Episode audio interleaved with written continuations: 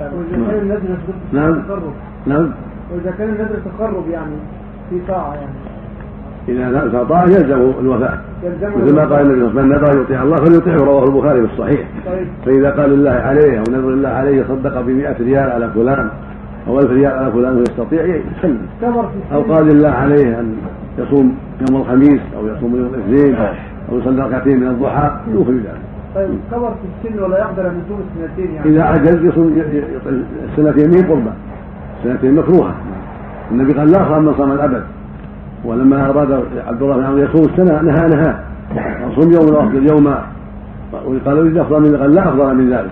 ونهى عن صوم السنة. يعني كفر؟ صوم السنة مكروه لا ينبغي. ولو نذره كفر؟ كفارة يكفي